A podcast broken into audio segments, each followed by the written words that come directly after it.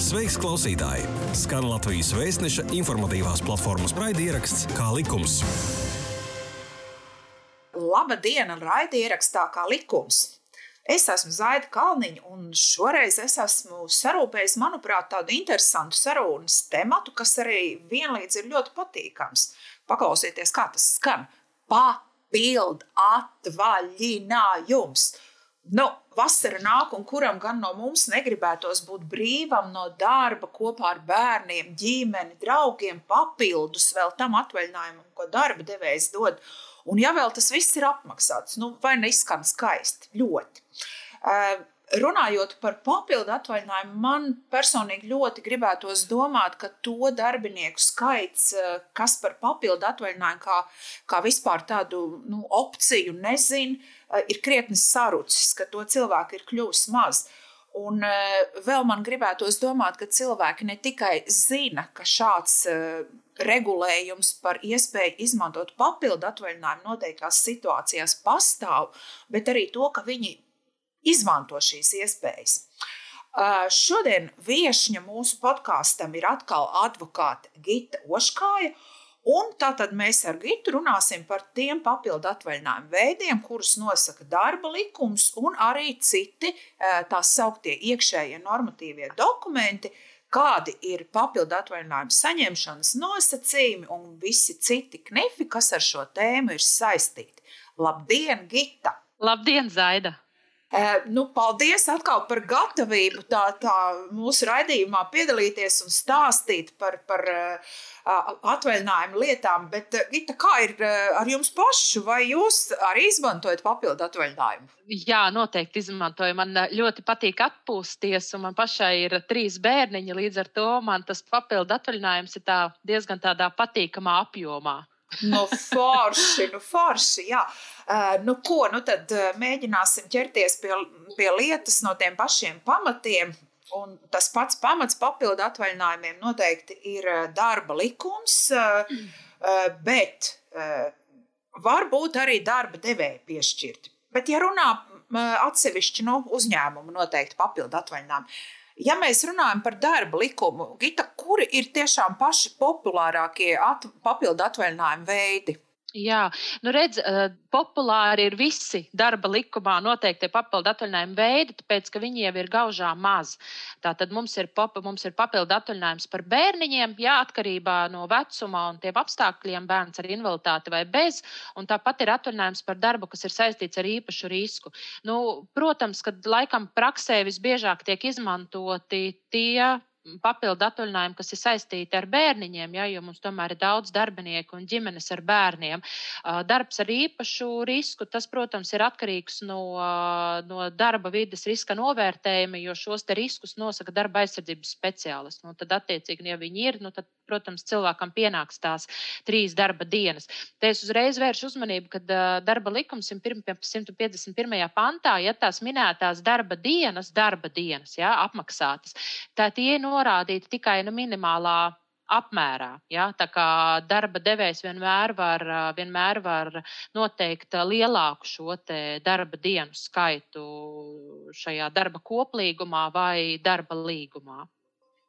Jā, Bet nu, kāpēc ir tāds atšķirīgs? Nu, teiksim, ir atvaļinājums un vēl, vēl papildu atvaļinājums. Kāda ir viņu savstarpējā tāda nu, tīri juridiskā un tīri cilvēkam tā saprotami, kā varētu pastāstīt, ar ko papildu atvaļinājums atšķiras no, no, no darba devēja ikgadējā atvaļinājuma? Nu, tā būtiskākā atšķirība, es teiktu, ir tāda, ka redz, ikgadējais atvaļinājums pienākas pilnīgi visiem darbiniekiem, neatkarīgi ne no kā ne no vecuma, bērnu skaita, veselības stāvokļa vai citiem aspektiem. Tātad katram darbiniekam, ja, neatkarīgi pat no tā, vai darba līgums uz noteiktu vai nenoteiktu laiku, visiem darbiniekiem viņiem ir tiesības uz šo ikgadēju apmaksātu atvaļinājumu četru nedēļu apmērā. Un izņēmums, protams, bija tie darbinieki, kas ir līdz 18 gadu vecumam, tur bija mēnesis atvaļinājums. Savukārt papildu atvaļinājums pienākas tikai tad, ja izpildās darba likumā, darba koplīgumā vai darba līgumā noteiktie kriteriji un apstākļi. Ja?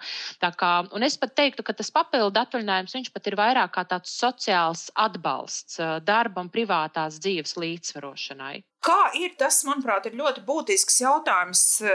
Ļoti bieži arī darbinieki, kas, kas vēršās LV portālā ar e-konsultācijām par, par atvaļinājumiem, nesaprot vienu būtisku lietu, ka atvaļinājumu darba devējs nepiešķir par kalendāra gadu, respektīvi no 1. janvāra līdz 31 decembrim, bet pat darbinieka viņa to individuālo gadu. Tātad, kā ir ar papildu atvaļinājumiem? Papildu atvaļinājumu par kādu periodu piešķirt? Par darba gadu vai nu, individuālo? Nu, tieši tāpat kā ar ikgadējo, arī papildu atvaļinājumu piešķir par darba gadu. Ja attiecīgajā darba gadā parādās kāds no darba likuma 151. pantā minētajiem apstākļiem, nu, tad pienāks arī papildu atvaļinājums. Jā, nu, pilnībā vai proporcionāli. Tas jāskatās no apstākļiem. Bet te es vienkārši vienkārši vēlos papildus vērst uzmanību uz to, ka, protams, ka darba likumā var būt, nu, tiksim, ja mēs konkrēti runājam par papildu atvaļinājumu un salīdzinām vispār to normatīvo regulējumu, mēs redzam, ka, ka, ka par papildu atvaļinājumu mums ir tikai viens pāns, 151. pāns. Savukārt, attiecībā uz ikgadēju atvaļinājumu mums ir vairāki panti. Un te es vēlos uh, paskaidrot un aicinu ikvienu ņemt vērā uh, civil procesa likumā piekto pantu, kas noteica, ka ja nav likuma, kas regulē strīdīgu attiecību, Ja? Tad tiesa, nu, ja runa par tiesvedību, bet mēs to varam arī piemērot ārpus tiesas situācijām, tad piemēro likumu, kurš regulē līdzīgas tiesiskās attiecības. Un proti, tātad, ja mums ir darba likums, kas pasaka, ka attiecībā uz ikgadēju atvaļinājumu mēs ņemam vērā darba gadu, tātad papildu atvaļinājums ir līdzīgs kā ikgadējais atvaļinājums, jo mērķis ir viens - tiesības uz atpūtu.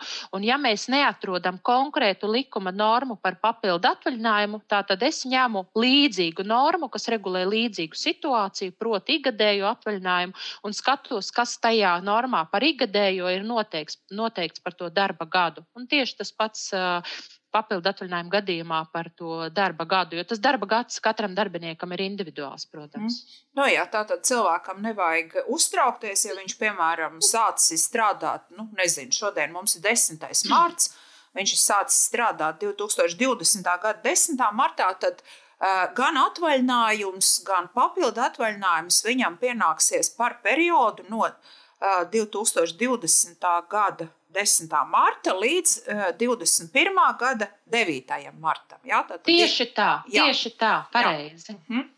Jauki.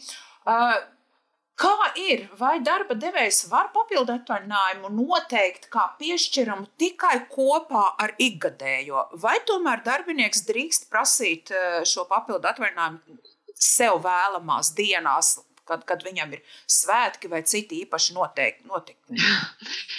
Jā, nu redz, te jau arī patiesībā uh, es atsaukšos uz to manu atbildi, atbildot uz iepriekšējo jautājumu. Ja? Tātad mums nav konkrēta norma, kas noteica, kā rīkoties situācijā ar papildu atvaļinājumu. Tāpēc es ņemu vērā normas, kas, kas regulē šo te, kas sniedz atbildu šo jautājumu par attiecībā uz igadēju atvaļinājumu.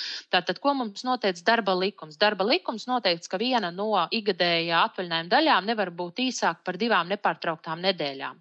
Un tātad pārējo igadējo atvaļinājumu un attiecīgi arī papildu atvaļinājumu teorētiski ir atļauts darīt, kā dalīt, kā vien, kā vien sirds vēlas, kā, kā vien darbinieks un darba devējs vienojas. Ja? Jo mums ir jāņem, vēlā, kā, jāņem vērā, ka atvaļinājumu jau vispār idejiski viņu piešķir saskaņā ar grafiku vai pušu vienošanos. Un katrā ziņā tāpat kā ikgadēju, arī papildu atvaļinājumu var ieplānot, un to var darīt saulaicīgi jau grafikā. Un tā, tā, tie paši darbinieki, kuriem ir, kuriem ir bērniņi, ja viņi jau laicīgi var viņi jau laicīgi zina, ja tā, tas pats 1. septembris, kas katru katru gadu mums augustā paceļās plašas diskusijas par to, ja to jau laicīgi var ieplānot, ja tā ir nu, ne 1. septembris, bet drīzāk tā pirmā skolas diena, ka tā būs tā diena, kad darbinieks ikurāt vēlēsies izmantot papildu atvaļinājumu. Protams, ka praksē jau ir tā, ka tas ikgadējais atvaļinājums, ka tas, tas, tas ir tas, ko mēs parasti izmantojam uzreiz visas četras nedēļas vai dalām kaut kā pa nedēļām, un papildu atvaļinājums tas ir tas instruments, ko mēs izmantojam. Nu, tad, kad mums tiešām vajag to vienu, divas uh, dienas, ja, kaut kādos atsevišķos dzīves momentos, ja vai tas ir bērnu miķeļa dienas, tirdziņš, draugu kāzas vai vienkārši garāku nedēļas nogali saorganizēt. Bet, kā jau es minēju, ja tāda ir Tas ir tā, tā, tā atvaļinājuma piešķiršana, viņa jau notiek saskaņā ar grafiku vai pušu vienošanos. Turklāt tas vērš uzmanību, ka ir uzņēmumos ir jābūt izstrādātiem darba kārtības noteikumiem, un saskaņā ar darba likumu tieši darba kārtības noteikumos uh, tiek atrunāta uh, šī vispārējā atvaļinājuma piešķiršanas kārtība. Solīti tālāk. Uh, Papildu atvaļinājumu par bērniem. Tad, kad darbinieks izmanto, viņam, protams, ir vai saskaņā ar grafiku, vai rakstot iesniegumu, viņam ir jā, katru gadu jāuzrāda šis apliecinājums, ka viņam šis bērns vispār ir. Vai pietiek, ka darba devējs, piemēram, ir piefiksējis, vienreiz darbinieks ir atnesis, parādījis pasi vai bērnu dzimšanas apliecību, tas, tas ir piefiksēts un bērna vecums Jā. darba devējam, piemēram, varētu būt zināms. Un, uh, respektīvi, vai dokuments vienmēr ir jāuzrāda, lūdzot papildu atvaļinājumu par bērnu? Nu, es, tas, protams, kā jau teicu, viedokļi atšķirās. Ja kādam varbūt ir formālāka pieeja, bet es būtībā uzskatu, ka pietiek jau ar to vienu reizi, ka apliecina nu, kaut kādu dokumentu uzrādu. Ja. Es, godīgi sakot, neesmu pat praksē dzirdējis, ka darba devējs sevi un darbiniekus tik ļoti apgrūtinātu, lai katru reizi ja, ka tiek lūgts piešķirt papildu atvaļinājumu, lūgt uzrādīt kaut kādu apliecinājumu, ka attiecīgais bērns ir aprūpē. Ja. Protams, var būt situācijas, kad, kad bērns nonāk aprūpē personai, kura nav bioloģiskā māte vai tēvs, ja, uh, bet tad jau tas tiek risināts katrā individuālā situācijā, un tad gan varētu nu, uzrā, katru reizi iespējams uzrādīt kaut kādu oficiālu dokumentu, piemēram, bāriņtiesas lēmumu. Ja, nu, varbūt ir atņemtas šīs vecākiem šīs tiesības par bērnu aprūpi, ja, un varbūt šo aprūpi realizē vecmāmiņa. Ja. Nu, tas ir kā tā liekas tāds izņēmuma gadījums no tādas ierastās lietu kārtības, ja, un tad darba devējs viņš varētu būt pārsteigts, ja nāk vecmāmiņa un lūdz piešķirt šo te atvaļinājumu, nu, tad, tad gan teorētiski varētu, varētu lūgt uzrādīt šo dokumentu iespējams katru reizi reizi, bet ja iet runa par vecākiem, ja, vai tie ir bioloģiskie, vai, vai, vai ja kur ir adoptējuši bērniņu, man jau liekas, ka pietiek ar vienu reizi. Bet darba devējs, viņš, protams, var katru reizi, kad viņam rodas kaut kādas aizdomas vai šaubas, nav jau nekur aizliegts darba devējam lūgt, lūgt atkārtot uzrādīt, bet lai tagad nu, uzliktu par pienākumu, nu, ka katru reizi ir jāuzrāda, ja, nu, man liekas, ka tas vienkārši cilvēkus apgrūtina. Jādara tā, lai būtu mums vieglāk un ērtāk strādāt. Jā, cerams, ka darba devēji to dzird un, un tiešām neapgrūtinās darbiniekus ar, ar, ar lieku dokumentu nesšanu un, un saskaņošanu. Nu jā, nu iedomājieties, jo tas pats papildu atvaļinājums, pieņemsim, ja ir tie, tie paši trīs bērniņi, ja, un tagad trīs papildu atvaļinājuma dienas, kaut vai es gribētu izmantot. Ja, man, man, tad, man ir jāatcerās tas oriģināls paņemt līdzi, jo nu, pēc būtības kopija jau it kā nederētu parasta kserokopija. Ja, jāuzrāda jau ir oriģinālais dokuments. Man tagad atcerēties viņu paņemt līdzi, nesāt līdzi, man liekas, nu, šausmīgi apgrūtinoši. Tomēr tās darbtieskās attiecības, nu, viņām ir jāpastāv arī uz kaut kādu uzticēšanos. Ja? Tomēr, nu, un parasti jau kolēģi viens par otru zina šī informācija informācijas aprite notiek. Es domāju, ka pietiek, ka uzrāda un mēs paturam prātā, ka darba devējs viņš var, ja viņam rodas šīs pamatotas šaubas un aizdomas, ja ņemot vērā šo informācijas apritu, mēs zinām tomēr parasti, kas notiek cilvēku dzīvēs, ja, jo tās darba attiecības viņas ir tādas personīgas attiecības savā ziņā, nu, tad vienkārši lūdzu uzrādīt uh, pamatojošu dokumentu. Mm. Uh, jā, ir Protams, mūsdienās ļoti daudz tādas ģimenes, kurās aug uh, abiem vecākiem uh, viņu atsevišķie bērni un kopējie bērni. Un runa ir par šiem atsevišķajiem bērniem un tiesībām uz papildu atvaļinājumu. Uh, vai tādā situācijā, ja šis otrs vecāks, kas nu, nav šo bērnu adoptējis, bet faktiski nu, audzina viņu, ja, un ir tāds kā neoficiāls augu vecāks, ja, bez, bez kaut kādiem mm, oficiāliem dokumentiem. Vai viņš var vērsties pie darba devēja un šo papildu atvaļinājumu par bērnu prasīt? Nu, ja mēs tā formāli runājam, tad tādam neoficiālam augu vecākam, nu, diemžēl, nebūs tādu tiesību, tādu papildu atvaļinājumu. Ja? Jo, lai baudītu šīs tiesības, nu, tad ir jānokārto formalitātes. Ja? Un tad mums ir jāatcerās, kas tad ir tas cilvēks, ja, kas, kas, kas aprūpē bērnu. Jo, kā mēs redzam, te darba likums 150, 151. pantā, te jau iet runa par nevis par vecākiem, bet par darbiniekiem, kuru aprūpē ir. Ja. Tātad nu, tie ir vecāki, jo tie likumiskie, ja, tad tas varētu būt adopcijas gadījumā un aizbildnim vai citai personai, kura saskaņā ar bāriņties lēmumu bērnu faktisku kopju un audzina. Tā kā nu, formāli, ja mēs pieejam, tad man atbilde ir nē, bet atkal šeit ir šī darba devēja izšķiršanās tai pašā darba koplīgumā vai darba līgumā atrunāt to, ka arī šādās ģimenēs, ja, kur, kur, kur tomēr cilvēkiem pastāv šī te, šīs te, šī te, nu, dažādi šie ģimenes modeļi, ja arī viņiem ir tiesības baudīt uh, tiesības uz papildu atvaļinājumu. Bet tur, protams, ir jāpadomā par, par mehānismu, lai šīs tiesības netiktu arī ļaunprātīgi izmantotas. Jo tad jau var veidoties situācija, ja ik viens no mums pateiks, ja, kad dzīvo kopā ar kādu, kuram ir bērni, un tad piešķiriet man papildu atvaļinājumu. Ja? Tas arī nebūtu pieļaujams. Tā kā, likums to tā neparedz, bet darba devējs darba koplīgumā un darba līgumā var, protams, noteikt izņēmumus un uzlabot šo darbinieku stāvokli. Mm. Uh, jā, mums varbūt atgādināsim arī, ka tiešām uh, šīs ģimenes, kas vairs uh, nedzīvo kopā, abi vecāki, jā, ka arī tam otram vecākam, ar ko bērns kopā nedzīvo, ir tiesības uz uh, papildu atvaļinājumu, un Jā. viņš mierīgi to var prasīt. Nevis mierīgi, bet viņam pat būtu, lai veicinātu šo saikni ar savu bērnu. Tieši tā.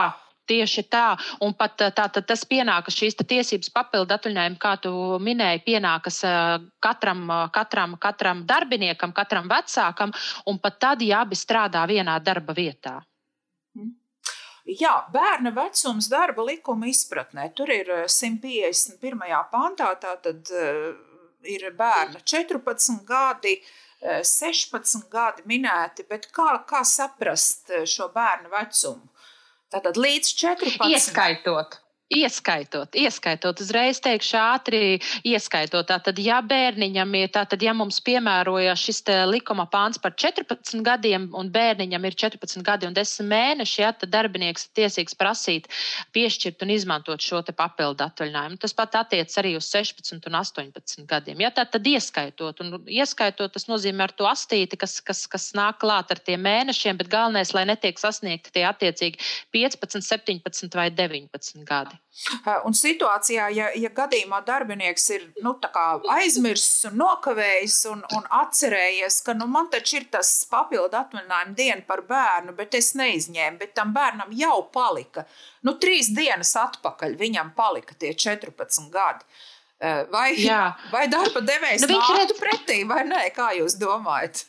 Nē, nu viņam vajadzētu nākt, jo tāpēc, te jau ir jāskatās, ka tas papildu atvaļinājums, viņš jau ir nopelnīts. Darbinieks ir nopelnījis tās tiesības uz papildu atvaļinājumu, un te mums ir jāpievērš uzmanību uz to papildu atvaļinājumu izmantošanu. Un darba likums noteica, ka papildu atvaļinājumu mēs varam izmantot jebkurā laikā līdz pat brīdim, kad tiek uzsākts izmantot ikgadējais atvaļinājums par nākamo darba gadu. Līdz ar to tātad, darbinieks šo atvaļinājumu ir, papildu atvaļinājumu ir nopelnījis, jā, bet viņš varbūt gribētu izmantot šo papildu atvaļinājumu faktiski tad, kad tam bērniņam varbūt jau ir 15 gadi jā, un 10 dienas. Pēc būtības tam papildu atvaļinājumam nekur nevajadzētu pazust.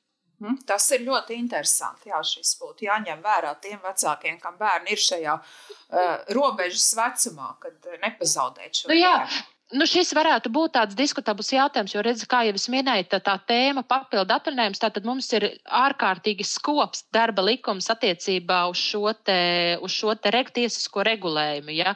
Bet, nu, man jau liekas, ka mēs tādā veidā nu, nevarētu pasliktināt tās, tās darbinieka tiesības uz šo papildu atvaļinājumu. Un šo papildu atvaļinājumu, kā jau es minēju, viņu jau var izmantot, viņu var izmantot gan starposmos, ka tu izmanto to ikgadējo, ja, un tu vari izmantot arī viņu pēc tam, kad tu esi pabeidzis lietot to tekošo ikgadējo. Galvenais viņu ir izmantot līdz, tā, līdz tam ikgadējam atvaļinājumam par to nākamo darba gadu. Un tad tas, kad tu viņu izmanto, tas jau ir tāds organizatorisks jautājums, jo viņš jau nekur nepazūd. Ja? Viņš nav piesaistīts kaut kādam noteiktam kalendārajam gadam. Ja? Tā kā, bet, Ziniet, kā tas, tas jau ir tikai tāds mans viedoklis, un tā, tas, ir, tas, ir, tas ir tas, ko es teiktu gan ikvienam darbiniekam, un ikvienam darba devējam, kurš pie manis nāktu kā klients.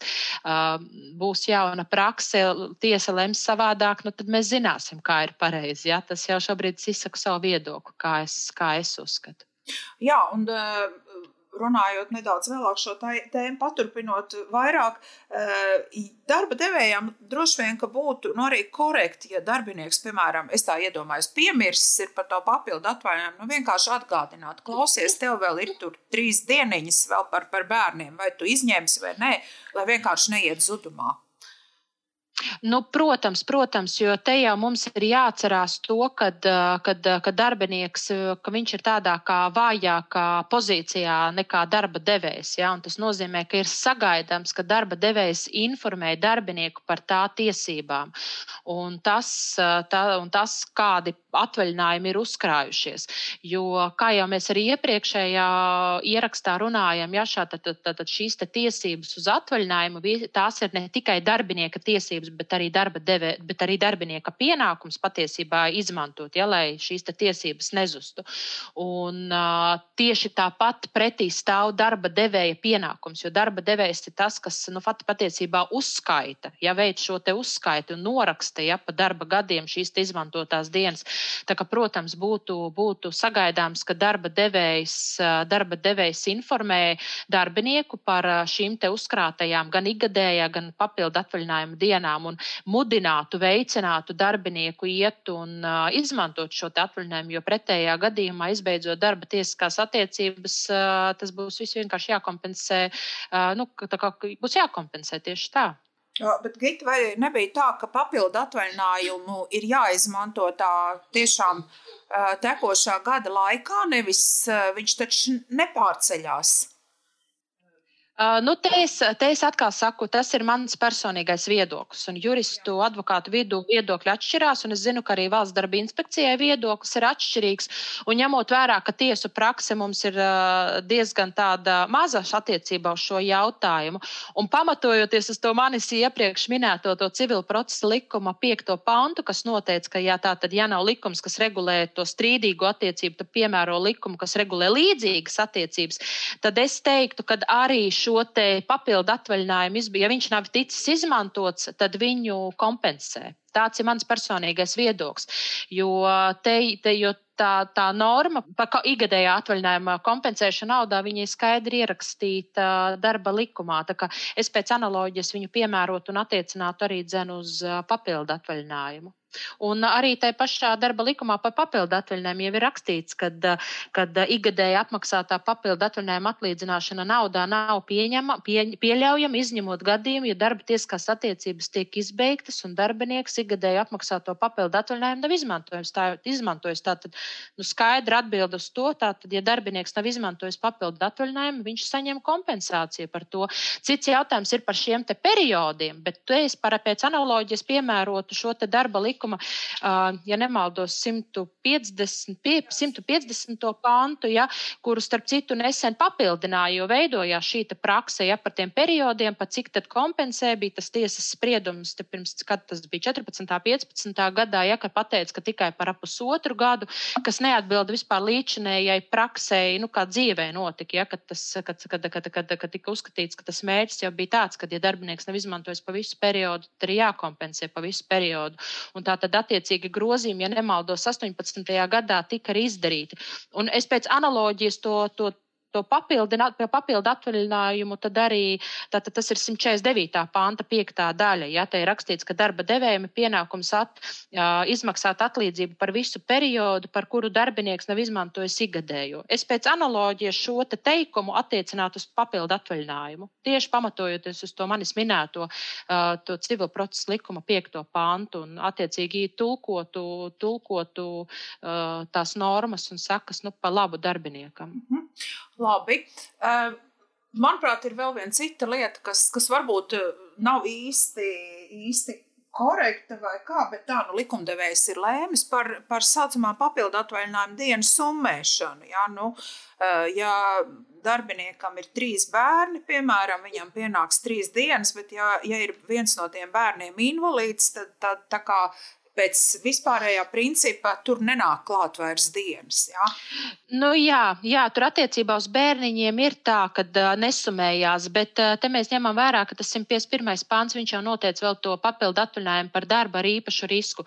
Tie, tie tās dienas gan summējās, jo tie ir dažādi apstākļi ja, un dažādi gadījumi. Bet par bērniņiem pilnīgi taisnība tā, tā praksa ir iegājusies tāda, ka netiek summēts. Bet es saku, tiesa prakse mainās un mums parādās parādās jauni spriedumi, un cilvēki tomēr sāk domāt plašāk un savādāk, un to mēs nevaram zināt, kā pēc kāda laika varbūt jūs mani uzaicināsiet uz atkārtotu ierakstu, un es teikšu pilnīgi pretēju, bet pagaidām nesumējās. Jā.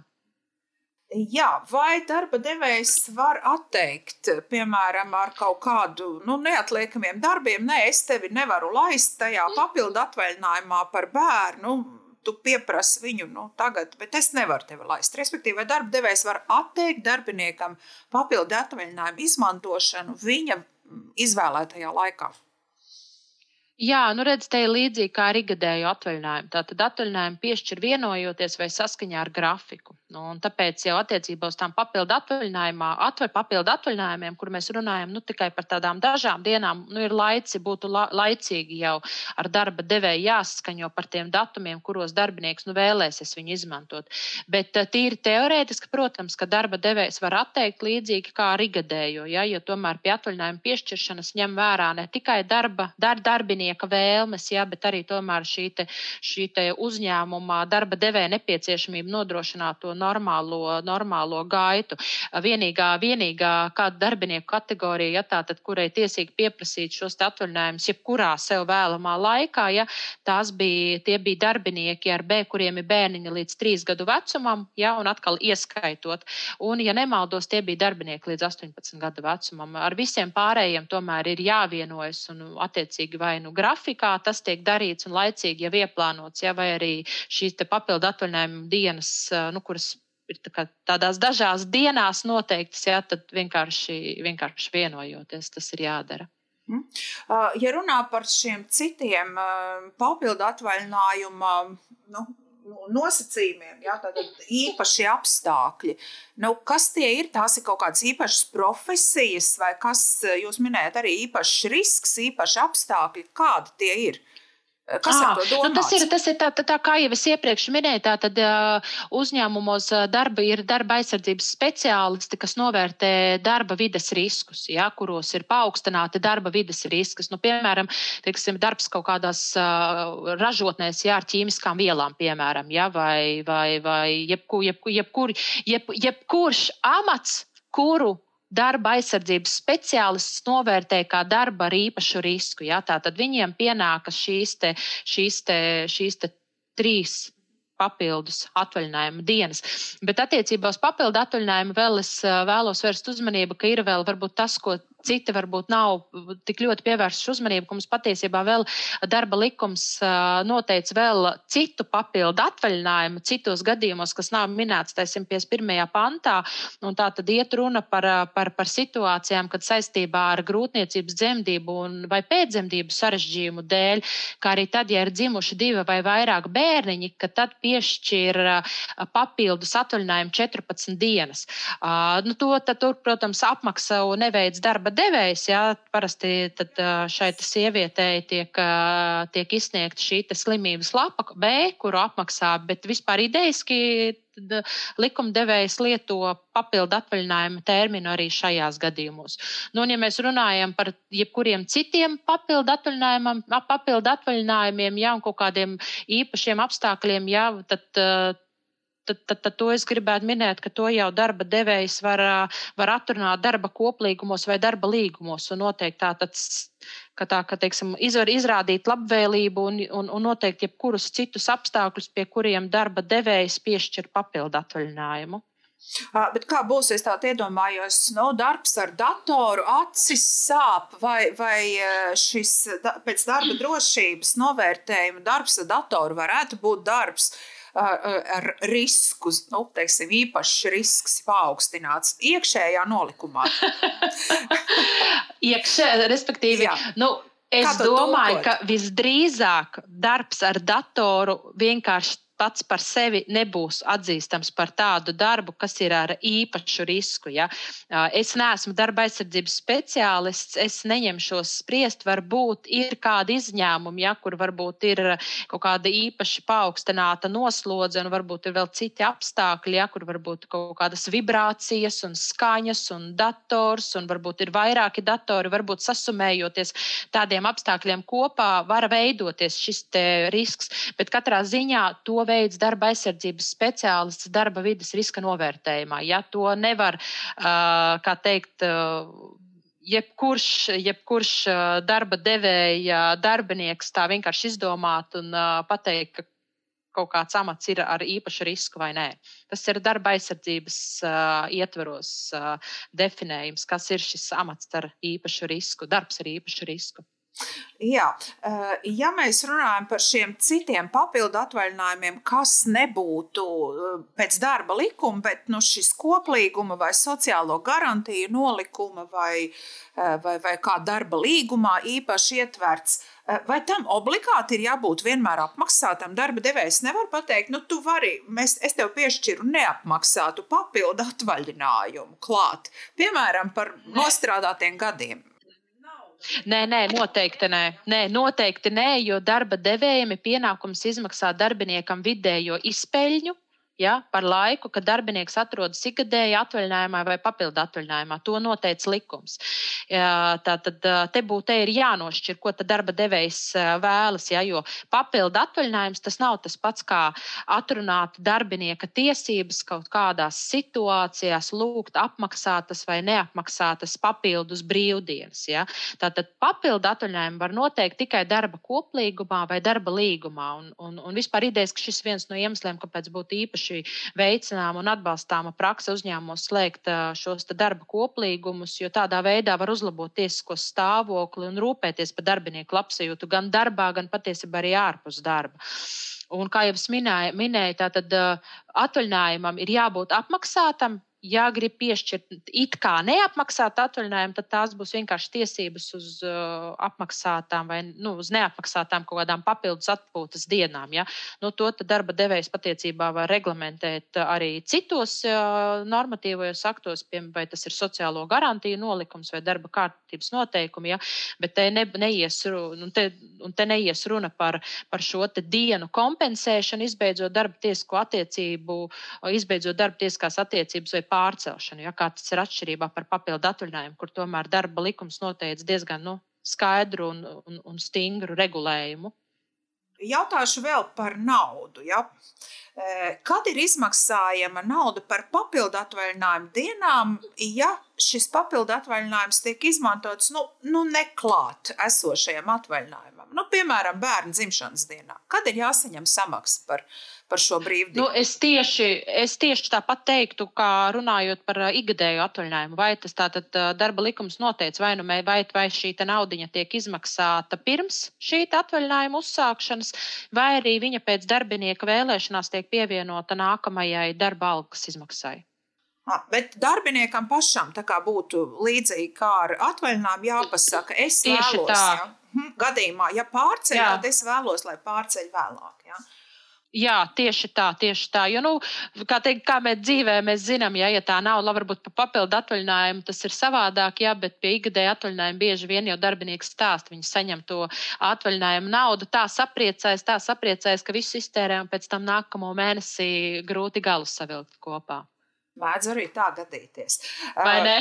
Jā, Gita, kā ir ar tiem darbiniekiem, kas varbūt pirmo reizi izdzird par tādu papildu atvaļinājumu, piemēram, varbūt klausoties mūsu, vai kāds viņam ir pastāstījis. Un, Un viņš skrien uz darbu un saka, bet man ir trīs bērni jau cik tur gadus, vai es varu par tiem iepriekšējiem gadiem izmantot to papildu atvaļinājumu. Šogad man pienāks, bet iepriekš man taču arī bija bērni. Oi, nu te šis ir, zini, teikšu godīgi, tāds ļoti diskutabls jautājums, jo, kā jau mēs iepriekš minējām, it kā no vienas puses darbinieks atrodas tādā ekonomiskajā ziņā vājākā pozīcijā nekā darba devējs. Nu, tas nozīmē, ka it kā būtu sagaidāms, ka darba devējs informē darbinieku par tā tiesībām, ja, un par to, ka uh, pastāv šis ikgadējais atvaļinājums un papildu atvaļinājums, ja, un ir tas pats, da, tas tie paši darba kārtības noteikumi, kur it kā vajadzētu tam būt atrunātam. Uh, praksē, nu, teikšu tā, tur ļoti jāskatās, kādi ir bijuši tie situācija, kāpēc darbinieks uh, nav izmantojis to papildu atvaļinājumu, ja par tiem bērniņiem vai par to, nu, par īpašo risku tur ir skaidrs, ja tā savā ziņā ir arī darba devēja atbildība, jo ņemot vērā, ka darba devējs ir tas, kurš noteica, vai tas darbs ir ar īpašu risku vai nē, tad es teiktu, ka te tomēr tā atbildība būtu uzliekama arī dzen, uz darba devēja pleciem, un viņam būtu bijis jānodrošina, jāinformē darbinieks, ka tam darbiniekam ir šīs tiesības papildu atvaļinājumu. Par tiem bērniņiem nu, gribētos domāt līdzīgi. Ja te vienkārši, protams, ir citi apstākļi. Darba devējs nu, tīri teorētiski, tīri teorētiski var nezināt, ka tam darbiniekam ir bērns. Ja? Īpaši ņemot vērā tagad Jo pēc būtības darbiniekam pašam būtu jāinformē darba devējs par bērnu esamību, ja darbinieks vēlas izmantot šīs tiesības. Jo darba devējiem jau nav, nav likumisku tiesību vienkārši tāpat pieprasīt jebkādu informāciju par tā darbinieka ģimenes stāvokli. Ja. Kā ir bijis situācijā, ka darbinieks nav informējis darba devēju par bērnu esamību un ir pagājuši tie, nu, pieņemsim, pāris gadi uh, un tagad grib vēlas ar atpakaļejošu datumu, nu, es pat, pat vispār tāds, tas, es pat teiktu, ka tas ir tāds kāzus. Es pat uh, grūti šobrīd komentēt. Es teiktu, ka ir ļoti būtiski tās nianses, ja, kādas ir pastāvējušas, pastāvējušas, vai darbinieks ir apzināti, viņš nav informējis par bērniem un ir apzināti nevēlējies izmantot tos papildu atvaļinājumus, vai varbūt viņam iepriekšējos gados varbūt ir bijušas atņemtas šīs aprūpes tiesības. Es teiktu, tā, tas jautājums ir tik teorētisks, ka uz viņu pat ir grūti atbildēt. Es teiktu, ka tur atbilde var būt gan, vi, gan uz vienu, gan uz otru pusi vērsta atkarībā no, tiem, no tās situācijas, kāda ir veidojusies. Jā, jā protams, vēlams kā vienmēr slēpjas detaļās, vai ne? Jā, tieši tā, jo detaļām bieži vien pirmšķietami tu skaties uz situāciju un liekas, atbilde ir A, bet tad, kad tu iepazīsties ar visām šīm niansēm, jā, ar tiem apstākļiem, ar vēsturi, tu saproti, ka patiesībā atbilde ir B. Nu, un tāds pēdējais arī varbūt ne kāzus, bet kaut kas līdzīgs jautājums, jo mēs tiešām jau, jau ejam pāri laikam. Vai darba devējs var nepiešķirt, piemēram, papildu atvaļinājumu par nostrādāto laiku, kas ir tīri darba devēja paša rosināta šī, šis bonus, ja darbiniekam ir bijuši vairāk disciplināru sodi? Es uzskatu, ka nē, jo likumdevējs nav paredzējis arī ikgadēju atvaļinājumu padarīt atkarīgu no kaut kādiem pārkāpumiem. Ja? Tātad tiesības uz atvaļinājumu ir un viņas nepazūd. Un šīs tiesības ir jāizmanto. Līdz ar to es uzskatu, ka darba devējs nevar padarīt šo te, šo te pap, tiesības uz papildu atvaļinājumu izmantošanu atkarīgi no kaut kādiem disciplināru sodiem vai pārkāpumiem. Tur cits stāsts varētu būt, kā mēs pirms tam runājām, par kaut kādām iekšēji noteiktām uh, papildus apmaksātām vai neapmaksātām atpūtas dienām. Ja? Tur varbūt var diskutēt, bet ja mēs runājam par atvaļinājumu, tas ir, tas, tās ir tiesības instruments, kas ir paredzēts darba likumā, un likum, darba likumā nav paredzēts, ka mēs viņus padarām atkarīgus no kaut kādiem kādiem apstākļiem. Gita, darba devējam taču ir tiesības arī pašam noteikt papildus sociālās garantijas, tostarp arī apmaksātas dienas vai papildu atvaļinājumus, bet par ko? Kāda ir prakse, kā darba devēji par ko bonusus piešķir saviem darbiniekiem šādos nolikumos? Nu, šī atbilde noteikti patiks gan darba devējam, gan darbiniekam par jebko. Tātad, te, tātad mums darba likums pat noteica, ka mēs darba koplīgumā un darba līgumā varam noteikt arī citus papildu atvaļinājumu veidus. Ja? Un viņi var būt, nu, te var izpausties. Tas var būt par nestandarta darba laika organizāciju. Tātad par to vien, ka tev ir nakts darbs, maiņu darbs, summētais darba laiks, fiziski smags darbs, ja, protams, precizējot, ko tas nozīmē tam uzņēmumam var par darba stāžu noteikt, kas, kas vispār uzņēmumos ir ļoti populāri. Var noteikt par arotslimību, ja ir, piemēram, aprūpē slims ģimenes loceklis, ja var jebkādus papildu atvaļinājumus tieši attiecībā uz privātās un ģimenes dzīves līdzsvarošanu, kas pēdējā laikā ir tāds ļoti tāds, nu, populāra tāda tēma. Ja? Un beigu beigās papildu atvaļinājumu patiesībā var piešķirt visiem darbiniekiem bez jebkādiem nosacījumiem. Par to vien, ka tu strādā uzņēmumā, tev var tikt noteiktas tiesības uz papildu atvaļinājumu, varbūt papildus nedēļu.